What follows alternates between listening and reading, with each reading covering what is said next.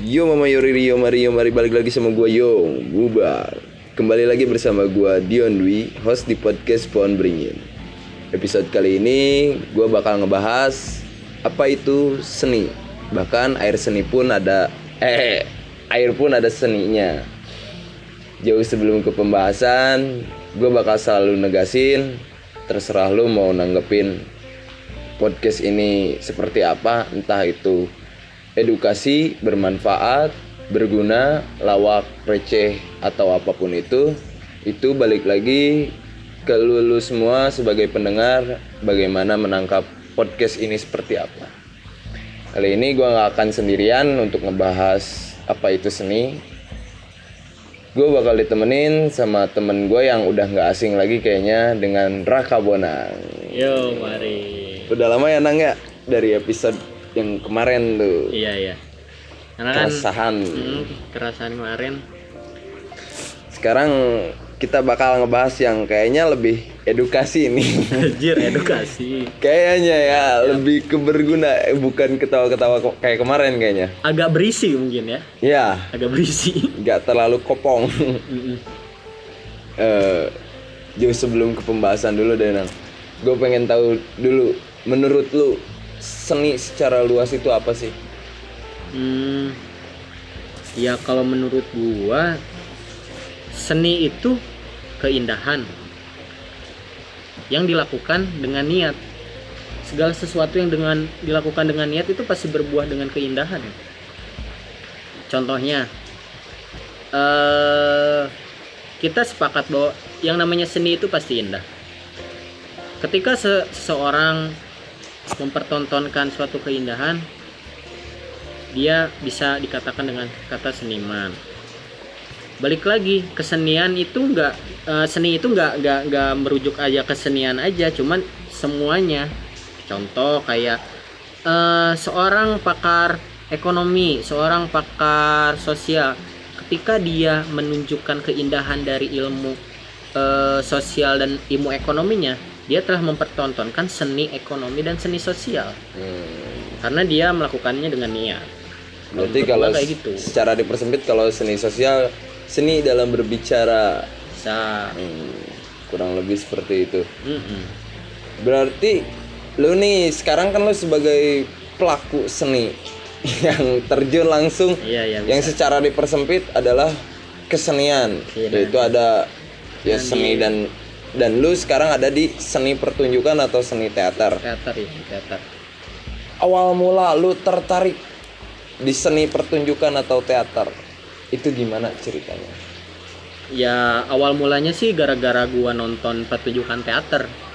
Gua waktu itu pas waktu masih jadi mahasiswa baru di salah satu universitas Islam negeri di Bandung, gua nonton pertunjukan teater. Dan gua langsung eh, terpukau sama awalnya itu sama setting panggungnya. Hmm. Jadi lu bayangin gedung aula biasa itu dirubah seajaib mungkin berupa setting yang waktu itu gua nonton kalau nggak salah pertunjukan kereta kencana. Kereta ke sana. Itu settingnya tuh di rumah tua dan itu bener-bener real karena kemarin itu pertunjukannya itu realis jadi bener-bener real mulai dari setting eh, di rumah tua yang cuma ditinggali oleh kakek dan nenek Hmm. itu benar-benar terlihat gitu dari kursinya, temboknya, lemarinya dan sebagainya. Dan terus ketika gua nonton lihat aktor yang benar-benar gua nggak nyangka awalnya itu. Gua lihat itu pertunjukan dua aktor aja yang main. Cuman Kakek-kakek, dua? Cuma dua, kakek-kakek sama nenek-nenek. Ternyata pas gua udah selesai nonton, gua te- baru tahu ternyata itu bukan kakek-kakek dan nenek-nenek beneran tapi gue yang nonton itu kayak kakek-kakek dan nenek-nenek beneran itu yang buat gue tertarik banget Berarti lu seakan-akan lu ada di dalam itu. iya seakan-akan gue waktu nonton itu seakan akan gue masuk ke dunia Iya, itu gitu. dan lu tahu semuanya seakan-akan. iya seakan-akan gitu gue gue kaget banget loh kok ternyata masih mahasiswa aktornya kok bisa gitu. Kok bisa gitu. Gue gue langsung tanya kok bisa? Gue jadi pengen bisa akhirnya. Oh. gue tertarik pengen terjun jadi seakan-akan itu membuat lu tertarik tuh jadi dia aja bisa kenapa gua enggak? Ya itu. Dan lu katanya waktu awal-awal pemeranan pertama lu seperti nama podcast jadi pohon beringin enggak. Enggak enggak. Karena rambut lu yang enggak kalau dulu awal-awal eh, gua belum kribo lah masih nanggung Ya, Ma- makanya. makanya. namanya bonang itu kribo nanggung oh, bonang itu nama teater karena kan gua karena eh, gua masuk teater awal waktu itu dan di teater awal punya tradisi eh, setiap eh, anggota baru yang masuk itu pasti dikasih nama. Dengan Nah, nama yang berbeda. dengan nama-nama tergantung kelakuan sama bentuk fisik lu. Bentuk fisik anjing kejam banget makanya waktu itu dulu gua pas pertama kali ospek rambut gua masih nanggung keribonya nanggung jadi kayak dikasih namanya bonang. Dikasih namanya buat iya sampai sekarang gua pakai nama bonang itu. Wah, cerita dong sedikit pengalamannya tentang lu udah bergelut sekarang di seni teater ini atau seni pertunjukan ini. Udah kurang lebih tiga tahun. iya tiga tahun. Pengalaman lu bolehlah cerita sedikit-sedikit sharing tentang apa yang lo dapetin, tentang apa yang lo perjuangin, tentang apa yang lo hasilin. Hmm. Kalau untuk eh, pengalaman sih banyak ya. Soalnya gue baru sadar bahwa di teater itu gue belajar kehidupan. Kehidupan yang mungkin gak akan kerasa untuk saat ini. Mungkin bakal kerasanya nanti kalau gue udah Dua atau tiga tahun ke depan lah ibaratnya. 5 sampai 10 tahun ke depan 5 lah. sampai 10 tahun. soalnya di teater gue gue belajar keikhlasan tanggung jawab soalnya lu bayangin gue latihan berbulan-bulan Iya. cuma main cuma beberapa jam Iya. latihan berbulan-bulan terus latihan yang cuma eh, berminggu-minggu cuma tampil beberapa menit itu itu menguji keikhlasan kita loh maksudnya dalam artian kita berkarya itu nanting nanting tulus gitu kita kemauan kita aja gitu nggak Nah, nggak mengharapkan imbalan atau apa pun. Bagi seorang aktor di teater, tepuk tangan dari penonton juga sudah membayar membayar segala. semua perjuangan yang mereka lakuin. Tepuk tangan Tepuk doang. tangan penonton aja udah cukup tanpa kita eh, bicara masalah material ya. Iya. Soalnya kan gue juga eh, cuma eh, baru gabung di kelompok eh, teater di kampus Iya. yang emang benar-benar pure kita di sini cuma ingin menggali ilmu kita ingin berkarya tanpa mengharapkan ada imbalan apa pun dari diri kita Iya. gitu karena cukup dengan pelajaran-pelajaran yang gua terima di teater selama latihan selama eh, gua berkecimpung itu udah cukup menurut gua. Soalnya ya gue selama latihan pun diajar tentang tanggung jawab juga. Bagaimana kita mempertanggungjawabkan peran yang telah diberikan oleh sutradara. Ketika seorang aktor diberi tanggung jawab peran satu peran oleh sutradara itu berarti sutradara telah percaya kepada kita. Iya. Bagaimana kita menjaga tanggung jawab kepercayaan sutradara kepada kita itu sama aja loh kita ya kehidupan sehari-hari Ya dikasih amanah lah. kasih amanah kita ngejaga kepercayaan orang tentang kita gimana bisa bertahan masalah hidup yang terus hadir Nah. kita belajar ikhlas ya gue memaknai teater ya seperti itu Hmm. secara tidak langsung gue gue merasa eh, jadi orang yang lebih peka kalau di teater Jadi lu perasa banget gitu. Mm-mm. karena kalau di teater itu kan eh, ada namanya bisnis acting nih Iya. bisnis bisnis acting contohnya gini lo dapat peran A terus eh, lawan main lu lawan dialog lu teman lu Hmm. peran B lu eh, kalau udah beres latihan full sama seluruh aktor lu harus perlu latihan lagi sama lawan dialog lu lawan main lu si peran B nya ini. Ketika lu ngerasa eh, dialog dia nggak enak lu omongin. Dialog lu harusnya gini gini gini soalnya eh, diterima ke gua kurang enak. Ba- sebaliknya si lawan main juga harusnya kayak gitu ke gua. Lu kurangnya gini gini gini gini loh. Harusnya lu kayak gini Dan biar tidak ada pertengkaran atau perselisihan. Karena kita punya satu tujuan ingin menampilkan suatu karya yang terbaik. wah anjir itu sih kayaknya yang yang sulit itu tuh yang nggak ada perselisihan pertengkaran itu. Iya, jadi soalnya kan harus menghilangkan rasa sakit hati. itu. Makanya gue banyak belajar di teater tuh itu. Ikhlas menurunkan ego. Itu terjadi di bisnis acting. Dan kita malah menjadi perasa loh. Ketika kita lawan kita kita latihan dengan lawan dialog kita jadi merasa oh ini kurang ini nih. Nah lawan dialog juga sama. Oh dia kurangnya ini ini ini jadi lebih perasa secara tidak langsung. Hmm. Dan gue- itu timbul di kehidupan sehari-hari lu. Ya secara secara tidak sadar sih. Refleks ya? Refleks aja ketika misalnya gue lagi nongkrong sama banyak temen nih. Terus ngelihat ada lu pernah sih nggak ngerasa lu nongkrong sama banyak temen nih? Anak-anak tongkrongan lu. Iya. terus ada satu orang yang emang ini ini orang biasanya nggak gini nih Oh, malah iya. lebih eh, lebih lebih pendiam yang biasanya gacor banyak Iya. ngomong kok jadi pendiam atau dia cuma senyum-senyum atau gimana doang gitu. Jadi, soalnya lu kalau lu latihan teater ya contoh gini latihan teater. Di dipimpin oleh satu sutradara banyak aktor yang terlibat. Ketika lu lihat satu aktor lagi istilahnya baut apa ya baut bahasa Indonesianya? Cemberut. Cemberut. Istilahnya kalau lihat cemberut itu ngaruh loh ke mood mood latihan semua. Satu aja yang cemberut. Semua. Semua kena. Latihan jadi ngerasa nggak enak. Kok ini kayak gak, feelnya nggak Feelnya nggak nggak dapet ya. nggak dapet. Soalnya ada satu orang yang nularin cemberut ini. cuman satu. Satu orang bisa nularin eh, mood latihan kita keseluruhan. Gak tahu kenapa itu. Ya secara naluriah alam sadar kita aja bahwa ini jadi lu jadi perasanya tuh gini. Ini orang kenapa kok cemberut? Kenapa nggak enjoy latihan?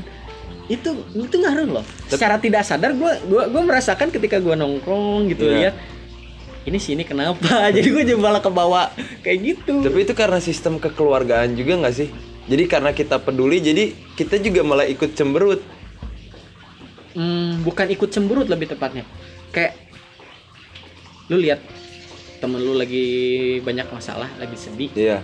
Kita nggak kita nggak ikut sedih cuma kita jadi malah mikirin dia Iya. gitu, malah khawatir ke dia. khawatir peduli kan? Peduli. Berarti ada ada berkesinambungan dengan kekeluargaan juga berarti di seni pertunjukan itu? Ya kalau disebut kekeluargaan sih ya gua gua merasanya kayak gitu kalau enggak juga ada yang berpendapat lain juga nggak apa-apa. Tapi yang gua rasa secara tidak langsung itu. Hmm. jadi kita nggak nggak nggak nggak nggak ngomongin ini kekeluargaan ini kekeluargaan. Cuma dengan apa yang kita lakukan dan kita rasakan itu udah mencerminkan kekeluargaan menurut gua. Secara tidak langsung secara tidak langsung. karena ya yang ya kalau menurut gua ilmu kehidupan itu goib lah. Iya. lu lu nggak bisa nyari di buku, di buku atau ada teori yang pasti Iya. atau ada eh, ukuran atau takaran yang pasti ilmu kehidupan misalnya contoh keikhlasan kesabaran harus gini harus gini. Nah. nggak gitu kan? Enggak gitu. Karena itu balik lagi ke perspektif masing-masing dan perasaan setiap orang gitu. Ya itu kalau kalau menurut gua gak goib sih. Kita nggak ngomongin itu kita nggak nggak nggak nggak membaca eh, atau me- mengkaji teori itu tapi kita merasakan itu gitu. Kita melakukan itu secara tidak langsung gitu naluriah aja. Naluri ya Mm-mm. Untuk ganti pertanyaan nih Op ya eh, kita alihkan dari lu sebagai pelaku seni pertunjukan. Gue pengennya lu sebagai pelaku seni. Mm. apa yang membuat lu kesulitan dalam menjalani sebagai pelaku seni? Terjun langsung di dunia seni kesenian. Maksudnya? Kesulitan lu. Hmm, sebagai pelaku kesenian. Mungkin eh, kesulitannya kita selalu dianggap beda oleh orang lain. Yaitu menurut gua kesulitan tersendiri gitu. Hmm. ketika gua contoh? gua eh, masuk ke teater. Orang beranggapan lo kok jadi lu lu lu jadi gila lu jadi beda gitu. Atau orang mandang mandang lu beda gitu dari yang lain gitu padahal gue sama aja gitu gue yang dulu ya Ya, gue yang aja. gua yang sekarang juga gitu Iya. nggak ada bedanya gitu toh eh, gue terjun ke teater ya itu cara salah satu cara bentuk eh, pengekspresian diri gue gitu Hmm. karena kan setiap orang butuh eh cara masing-masing untuk mengekspresikan diri dia kan kalau Iya. kalau lu ya setahu gua lu mengekspresikan diri lu lewat musik Ya, kurang lebih. Nah, ya gua eh, mengekspresikan diri gua lewat teater gitu mungkin kesulitan secara teknis sih ketika ki- kita mm, maju ke suatu garapan gitu satu Hmm. garapan kita ngegarap teater khususnya eh, gua fokusnya di keaktoran eh, gimana caranya gua bisa menjaga eh, proses keaktoran yang baik dan benar. Karena step dan step step by stepnya itu harus harus eh, dilewati secara pasti nggak ada yang kelewat. Jadi nggak boleh ada Nggak kelewat. kayaknya kayaknya perfeksionis banget. Harus. bukan perfeksionis karena gue menilainya eh, selama gue berkecimpung di teater dan latihan dengan sekian banyak garapan gue percaya bahwa apa yang lu tanam ap- eh, itulah yang lu Tuai. tuai contoh gini gue pernah ngalamin satu garapan yang step by stepnya itu gue kacau banget dari Nggak- nggak nggak nggak sis- nggak apa ya nggak nggak nggak nggak step by step gue gue secara sistematis lah. gua gua eh, mungkin waktu itu keadaan gue lagi emang eh, banyak masalah juga terus eh, tekanan dari sana sini. Jadi gue eh, step by step keaktorannya itu loncat-loncat ada yang kelewat nggak nggak sempurna. Dan hasilnya itu pas gua main main main main teater pas pentas hari H oke ki- eh, gua dapat tepuk tangan penonton. Tapi di diri gue nggak ngerasa puas loh. Lu bayangin latihan tiga bulan cuma tampil sekitar dua jam kurang lebih Iya. kurang dari dua jam itu main sekitar dua sesi tiga sesi Iya. lu selama itu nggak main puas dan gue baru sadar ternyata latihan step by step gue kurang Kurang. kurang Oh. secara teknis sih kesulitan gue itu ya ya pada saat latihan gitu Hmm. terakhir gue garapan alhamdulillah step by stepnya jalan dan gue merasa puas Iya, sampai sekarang bahkan keperanin. ya ya itu salah satu kesulitan seorang aktor tuh kalau udah dapat satu peran maju lagi ke peran yang lain itu kadang peran-peran sebelumnya Melepas, masih iya. masih suka ke bawah itu itu emang gue masih perlu latihan banyak sih naluri ya. Gua kurang- kurang refleks itu. Iya gue gue kurang olah sukma kan kalau masalah keaktoran kan ada olah tubuh, olah tubuh kita, olah Iya. vokal, olah sukma. Nah, olah sukma ini yang gua gua jarang gitu. Oh. Makanya gua eh, masih ada ke bawah-bawahnya. Suka ada Ya begitulah, begitulah. Tapi lu sendiri pernah nggak ngerasain kalau gua di dunia bermusik pasti ya orang-orang musik pasti pernah ngerasain yang namanya dikucilkan atau dijelek-jelekin. Mm-mm, mm-mm. Pasti yang namanya Iya, iya. ya apa sih anjing? Ini musiknya kok gitu sih?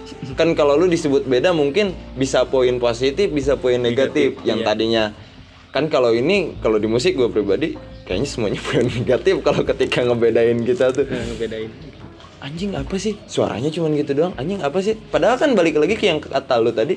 Selama itu karyanya menurut dia indah, itu adalah seni. Iya. Dan lu pernah gak ngerasa kesulitan seperti itu gitu?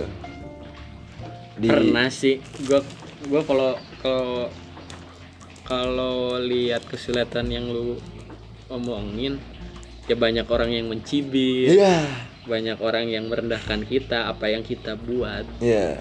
toh dia yang mencibir dan merendahkan kita dia belum tentu bisa jadi kayak kita kan Iya, betul. secara secara eh, secara logikanya tapi, Secara logika. tapi emang secara mental kita kena Iya, secara hati kan nggak bisa. rasanya gitu soalnya gue pernah nih gue main eh, main teater latihan emang suka ada aja gitu eh, anak-anak teater luar yang mandang ah lo kok cara, cara acting lu gini sih cara ininya lu gini sih Oh, tapi lu bukan dapat dari penonton tapi da dapat dari sesama aktor. sesama sesama penggiat seni juga ada. Kalau kalau kalau penonton selama selama gua eh, tahu penonton jarang eh, melontarkan mm, komentar yang negatif kalau dia bukan penggiat seni itu sendiri. Hmm, tapi kalau di musik gak bisa gitu Ok, menurut gue ya. Mm. sebagai ini pasti lu pernah kalau di musik gitu lu ketika misalkan lagi manggung ya anjing apa sih orang itu Mm. ya mungkin yang detik ini lagi ramai itu. Geram sampai ke bawah. Kelelawar kelelawar. Udah, udah. udah udah udah, kelelawar. Menurut gue kalau di musik penontonnya ya bibirnya lebih ya tapi kalau lu itu sesama penggiat seni. Kalau kalau menurut gua apa pun komentar negatif itu sama-sama pedas ya. Cuman kan beda Iya. konteksnya. Kalau musik emang emang semua orang eh seakan-akan paham tentang Iya. musik. Jadi mereka bisa menjudge. Tapi kalau menurut gua di teater itu ranah yang berbeda. Karena lu nggak bisa seakan-akan lu menjudge. Lu main jelek lu aktor keaktoran lu jelek tanpa lu nggak tahu ak- Iya. keaktoran itu sendiri teater itu sendiri. Jadi kebanyakan eh, budaya di teater itu setelah main setelah beres main tepuk tangan penonton terus ada eh, sambutan dari sutradara nah beresnya itu ketika penonton eh, penonton penikmat saja ah. pulang penonton yang penggiat seni, penggiat teater sama aktor-aktor kita dan seluruh eh, rekan-rekan teater itu ngumpul diskusi bareng. Selalu ada budaya gitu kalau di teater. Hmm. Setelah beres pentas eh, ada diskusi tentang pementasan itu. Jadi membahas kekurangan dan kelebihan ibaratnya. Kurangan apakah itu misalnya eh, ada ada kelebihan yang harus eh, kita kaji atau Hmm. kekurangan yang harus kita perbaiki. Nah, itu ad- ada muncul di diskusi itu. Makanya kenapa gua gua gua bicara tadi ada yang mencibir itu ataupun itu sesama penggiat seni ya Iya. itu di forum diskusi itu. Oh. Karena eh, tapi yang gua pahami dengan adanya diskusi itu walaupun eh, ada beberapa teater yang eh, tidak melakukannya cuma sebagian juga Iya. yang gue pahamin itu pujian itu racun dan cibiran itu adalah obat lu paham gak maksudnya Iya. pujian oke Eh, itu kita bisa terima dengan baik Iya. tapi itu racun yang sebenarnya Iya. itu akan mematikan lu secara perlahan kalau lu emang kalau lu terlena sama pujian itu Iya. Ntar star syndrome Star syndrome lagi. sama kayak Ya. Kelelawar lagi. Aduh, udah. Udah. Terus balik lagi, nih, balik lagi. Balik lagi.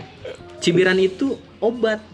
ya. Lu walaupun pahit, itu bisa menyembuhkan lo, memotivasi Iya. lu jadi lebih baik. Lebih baik walaupun enak anjing. Walaupun enak pahit, tapi lu bakal mikir, oh ternyata gue kayak gini. Oh berarti gue harus kayak gini. Iya, kayak minimal kalau dia nggak tahu, wah gua tuh kayak gini, jadi ngebuat cibirannya teh anjing liatin aja liatin sama gua kalau bisa gua udah lebih Mm-mm. lu liatin anjing gitu tapi tapi yang gua gua gua salut di di dunia teater walaupun banyak cibiran atau kritikan yang masuk itu emang pure karena mereka peduli dan kita salah. Iya. Bukan atas nama dendam atas nama ingin menjatuhkan enggak loh. Karena ya ya mereka peduli dan kita salah udah itu aja gitu. Dan kita pasti bakal nerima kok walaupun pahit. Ya mau nggak mau kan itu. Mau itu. tapi ini op dari sekian banyak lu. Eh gua mau nanya dulu ketang film termasuk teater atau film-film kayak Hmm. itu itu termasuk di bagian seni pertunjukan juga atau ada lagi? Atau emang berbeda gitu? Eh, yang jelas itu berbeda. Hmm. Karena karena kalau teater itu sebenarnya asal katanya teatre itu kan kan dari kata eh, Inggris ya bahasa Inggris. Yang itu artinya tempat. Oh, tempat pertunjukan.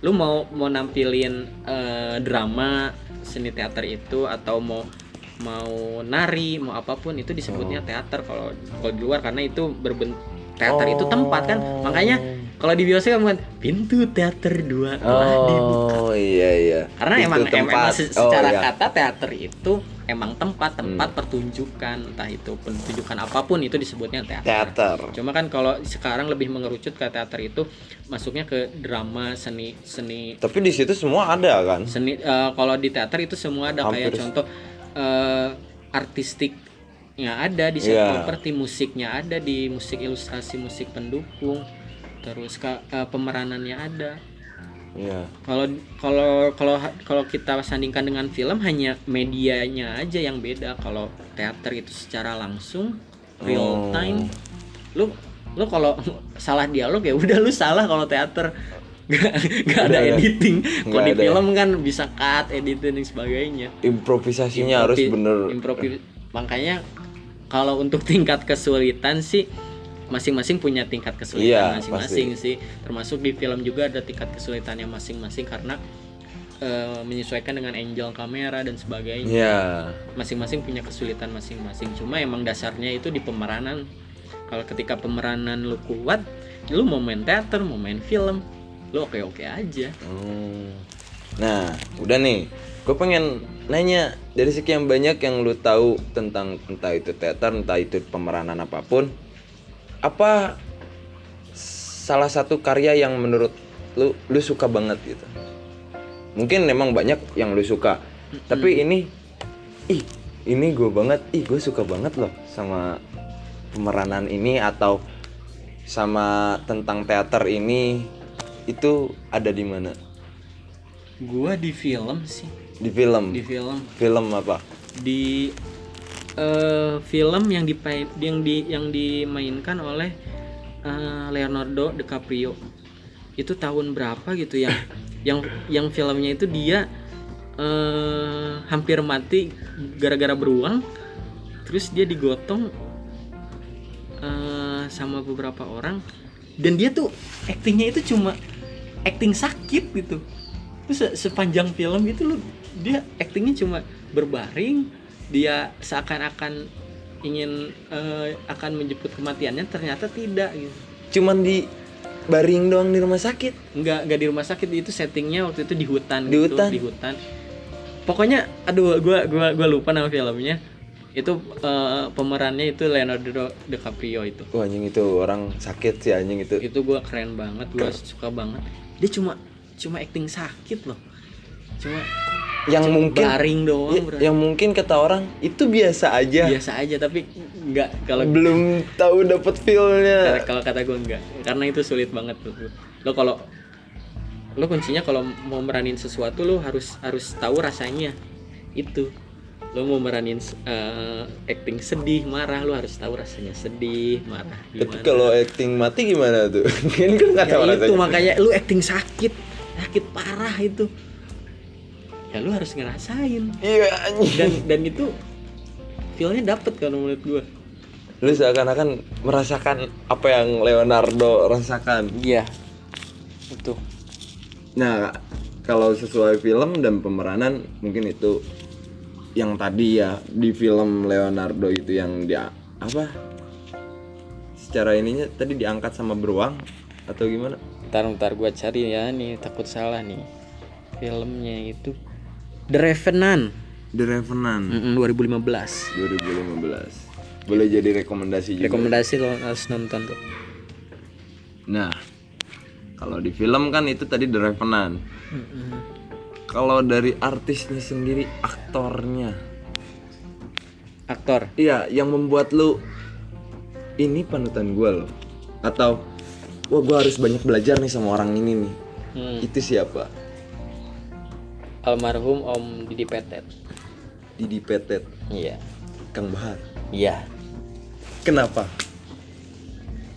yang yang gue tahu ya eh, almarhum Om Didi Petet sama Deddy Mizwar Hmm. itu mereka pelaku teater dia eh, mereka mengawali karir di, di di kelompok teater yang sama kalau nggak salah gitu Iya. kalau nggak salah sih itu mereka Bersama sama orang teater itu. Ya, eh. Dan akhirnya dia merambah ke entertain film dan sebagainya dan akhirnya eh gua lihat acting Om Didi Petet mulai dari film-film jadulnya Iya. karena gua kemarin eh, dapat peran eh, agak ngondek Hmm. gue nonton eh, si boy film si boy yang Iya, dulu yang iya, iya. eh, yang om Didi Ah. Petet yang ngondek itu Iya. Gue nonton itu terus beberapa film lain Naga Bonar terus sampai yang terakhir itu Preman Pensiun. Iya itu. itu lo pasti lo lihat entah kenapa gitu dari dari awal peran yang dulu itu sebagai ngondek sekarang Sampai terakhir jadi paling preman di itu. jadi bos preman. Itu kan beda banget. Itu keberhasilan satu eh, eh, suatu aktor tuh ketika temen lu sendiri nonton lu gak kenal. Istilahnya loh ini siapa? Kok kayak bukan dia? Hmm. itu keberhasilan aktor itu di situ loh. Ketika ketika gua ketika gua main main teater terus teman gua nonton terus teman gua nganggep itu kayak bukan gua dan bukan gua ternyata itu gua Iya. itu itu baru berhasil. Karena ya yang namanya pemeranan keaktoran itu ya ya lu jadi menjadi si peran dan tokoh itu bukan menjadi diri lu jadi bukan menjadi diri lu di peran itu tapi Menjadi menjadi peran lu masuk ke diri di lu diri lu. kayak gitu Itu sulit banget itu sih. sulit banget Dan ya, terlebih yang kata lu tadi di Petet dia dengan diem di kursi gue yang tahu preman pensiun ya Hmm. dengan dia diem di kursi diem aja wibawanya udah preman banget anjing. Kang Bar wah udah gila sih udah. udah gila. udah angkat tangan. Dan lagi waktu itu yang gue tahu gue lihat di potongan Instagram pernah lihat dia pernah berperan sebagai apa si Kabayan ke kota apa? Hmm, si kabayan. Yang dia sama Benjamin Sueb. Hmm, hmm, hmm. itu menurut gue sih orang lawak di orang Sunda dan orang lawak di Iya, iya. Betawi Hmm, hmm. menjadi satu. Jadi satu itu keren banget. Keren banget anjing. Ya terlebih kan karena ya gua ada di Tatar Sunda khususnya Jawa Barat. Iya. Pasti panutan gua ke Om Didi Petet karena selain keaktorannya yang hebat dia mengangkat budaya Sunda juga loh Iya. secara tidak langsung. Salah satunya itu apa yang membuat lo percaya bahwa dia tuh ngangkat apa?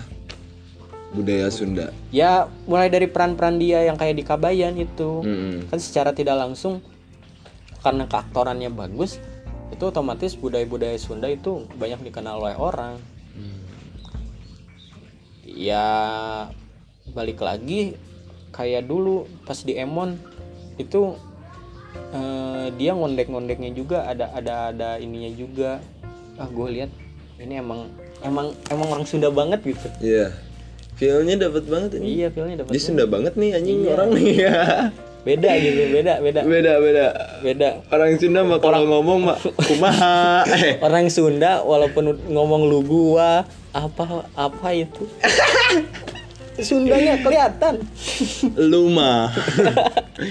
Pasti. Kenapa ai kamu? Kamu. Kenapa harus ada ainya?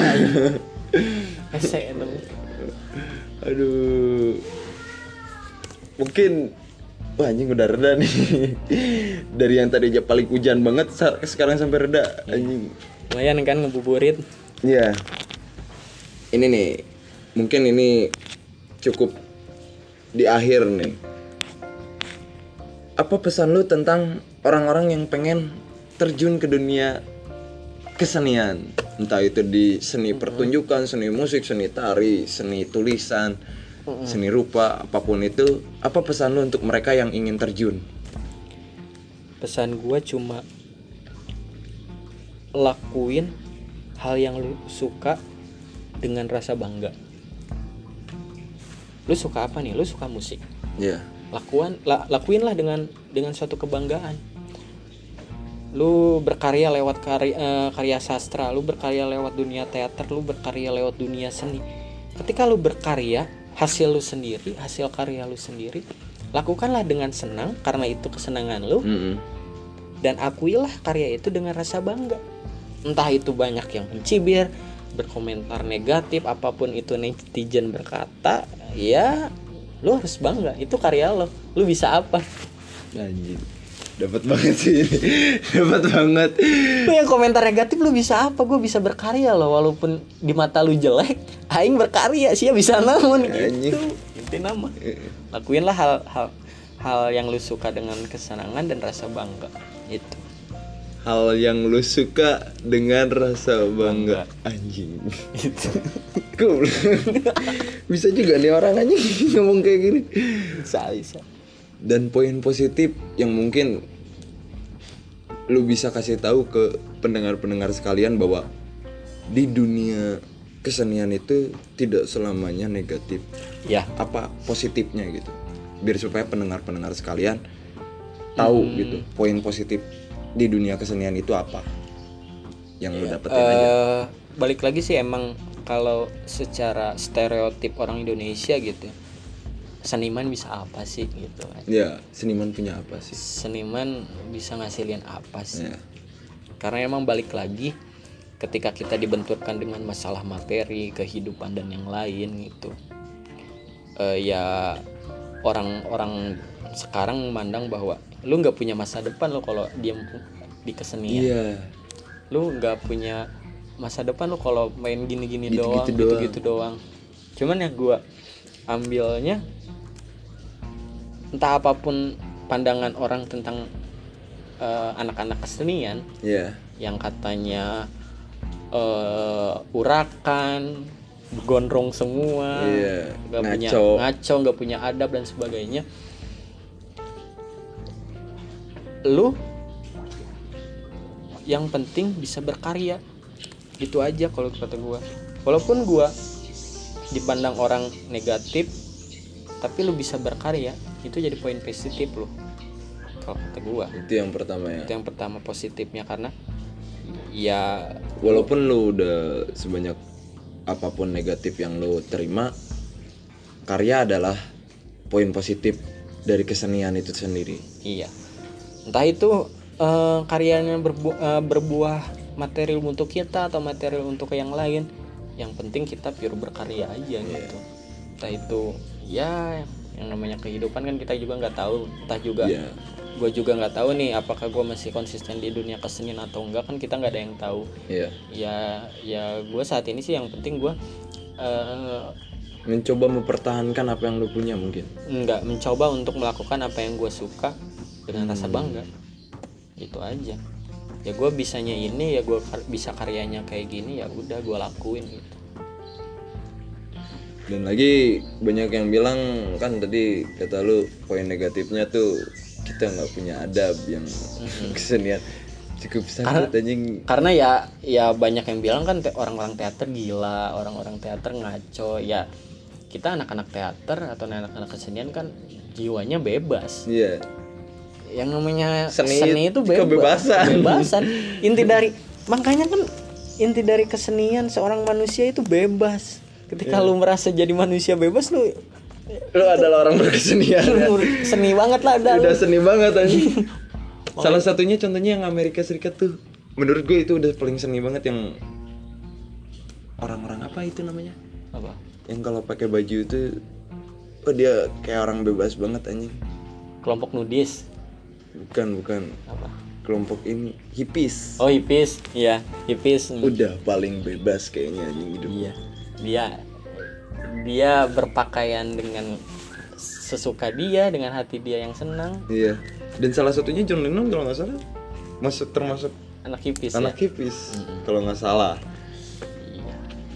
ya balik lagi entah itu kita di di kita disebut tidak beradab atau apa pun itu yang penting kita tahu tata krama dan norma yang ada gitu. Iya.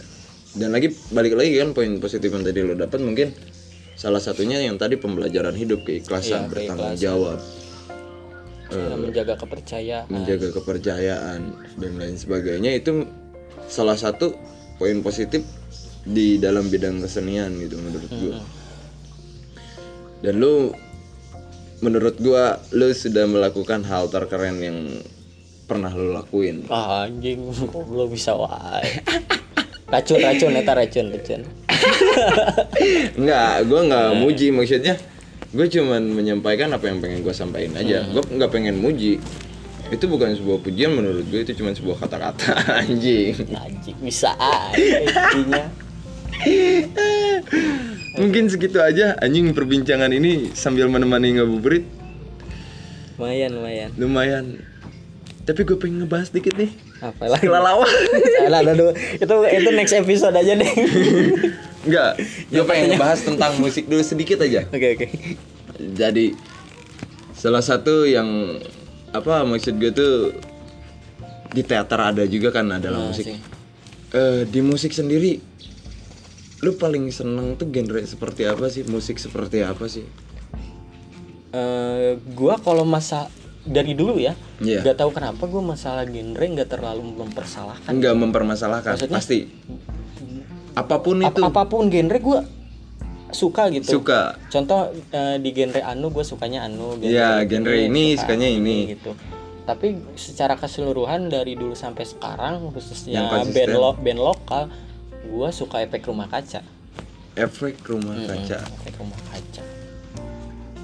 Kenapa lu begitu senang dengan efek rumah kaca sedikit nih mengupas nih Kalau kalau kalau gue sih ngerasainnya pas ngedengerin lagu-lagu efek rumah kaca gitu. Entah kenapa gue ngerasa enjoy aja, lebih enjoy daripada gue ngedengerin lagu-lagu yang lain. Entah itu karena emang eh, musiknya folk eh, santai, karena lu perasa banget mungkin mungkin karena kan bisa bisa mu- mungkin aja. dari menurut gua gitu efek rumah kaca adalah suatu band yang mungkin mewakili rasa yang sangat dalam gitu Mm-mm, banyak juga lagu-lagu mereka meng- mengkritik pemerintah, Iya. mengkritik orang zaman sekarang, mengkritik orang-orang di sekitarnya. iya Itu menurut gua karya yang sangat jujur, jujur sekali. Lu bayangin suatu kejujuran yang pahit tapi bisa dinikmati. Ajaib nggak? Sulit sih ya Ajaib sih kata kalau kata gue sih ajaib banget gitu. Suatu kejujuran yang pahit tapi bisa dinikmati. Ya ya salah satunya lewat musik, lagu-lagu efek rumah kaca tuh. berarti orang-orang berkesenian kurang lebih dan dari seni teater seni musik adalah pesulap Sulap. Magician. iya lu bisa berubah dalam latihan tiga bulan ibaratnya dalam teater bisa dirubah menjadi tiga jam Iya. Anjing. Dan lagi ada lirik atau judul lagu yang membuat lu mewakilkan lu. Kan tadi film udah. Mm-mm. Sekarang lirik lagu atau judul lagu. Entah musisinya selain efek rumah kaca juga nggak apa-apa. Efek rumah kaca tetap sebelah mata. Anjing. Kenapa harus itu? Gue pengen tahu. Iya, iya gue ngerasanya dari dulu emang eh sebelum gue terjun di teater Iya. juga eh, selalu dianggap beda sama orang lain, selalu dianggap negatif mungkin ada negatifnya sampai sekarang gue makin-makin Iya. terjun di dunia Dunia yang kesenian, beda. dunia teater beda banget.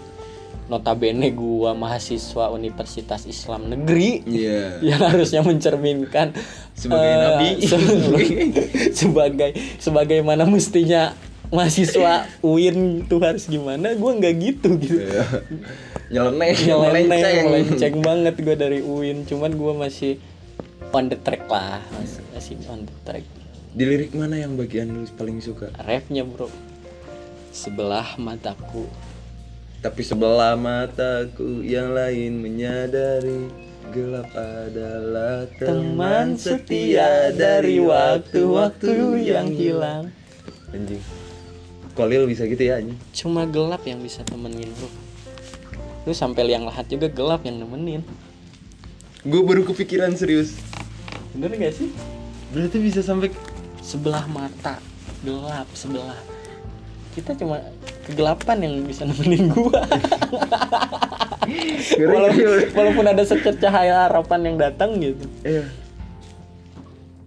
iya maksudnya lu lu sampai dari lahir sampai nanti mati lu lu ditemenin sama gelap Kegelapan. Bahkan mimpi-mimpi terindah lu ada di kegelapan gitu. iya Dari, Dari bunga tidur lu gitu dari, dari, gelapnya malam Iya, dari gelapnya mata ter apa ini? tertutup. Tertutup. tertutup. Makanya kenapa kita ada di man, kita ada di dunia yaitu untuk mencari cahaya Cahaya. karena kita sudah ditemani oleh gelap dari lahir sampai nanti mati ya kewajiban kita apa sebagai manusia yang beragama yang mencari ke cahaya Cahaya itu. Anjing. Goblok. Lu perasa banget anjing. Sampai sedetail itu anjing berat. berat emang berat kehidupan mah Nyesel gue anjing nanya nanya ini. Serius, ini tanpa setting nyesel anjing. asli asli aku settingan naon ya mah Goblok. tapi, tapi kan tapi Colin untungnya nggak ngomong ya, nggak geram sampai banget. nggak nggak nggak dia bra Nggak. Orang yang ribut sih kan. Apal musisi-musisi Bandung mah anjing ya mah budak satepak anjing. Butong nih udah bisa potong. Budak sapotong ya malah geus lah teu kudu dinaon. Anjing. Aduh.